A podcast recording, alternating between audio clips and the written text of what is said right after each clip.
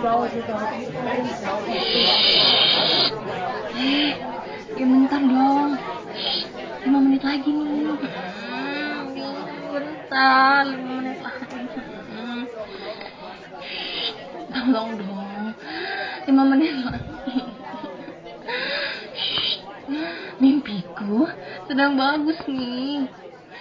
Ih, aku bilang lima menit, bukan lima detik. Ah, Aduh, kenapa sih aku harus bangun sekarang? Eh, manusia, woi. Ih, kalian kenapa ribut sih? Duh, aku pengen tidur dan makhluk supernatural lain juga ingin tidur nih. Kalian ribut-ribut apa sih?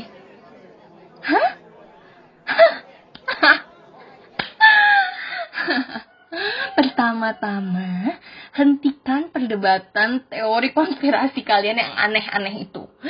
Semua yang terjadi ini normal dan ruangan ini mm, memang sudah seharusnya menguap. dan 16 bola itu masih di sini kan, jadi ya ini aman dan normal. Hah?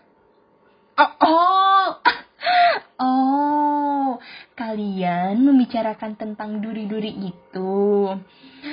Um, Em, iya, benar.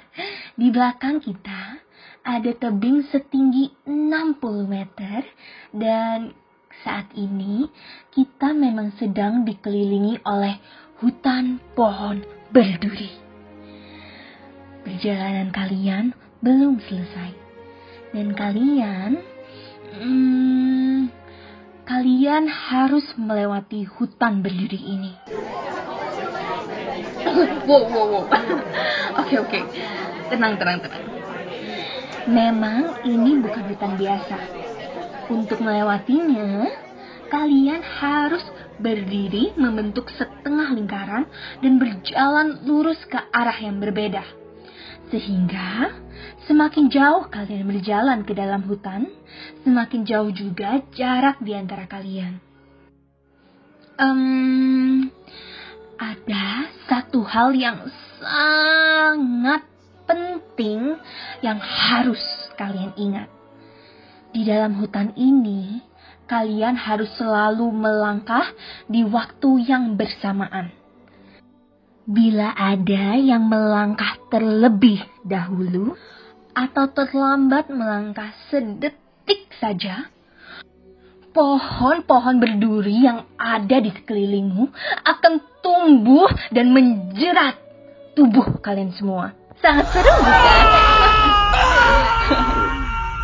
oh, tidak apa-apa. Kalian jangan takut. Pohon berduri ini mungkin bisa membunuhmu. Tapi ada satu hal yang lebih menakutkan. Ada sesuatu yang berkeliaran di hutan ini. Ia sering disebut dengan nama The Great. Makhluk dengan jubah hitam yang membawa sabit yang sangat besar. Jika kamu masih ingin hidup, jangan bergerak dan jangan bersuara sama sekali saat kalian menemukannya. Karena hal itu, berkomunikasi dengan cara berteriak-teriak seperti kalian saat ini bukanlah pilihan tepat. Em, ada cara untuk melewati hutan ini, yaitu dengan bergerak, melangkah, dan bernafas. Semuanya secara bersamaan.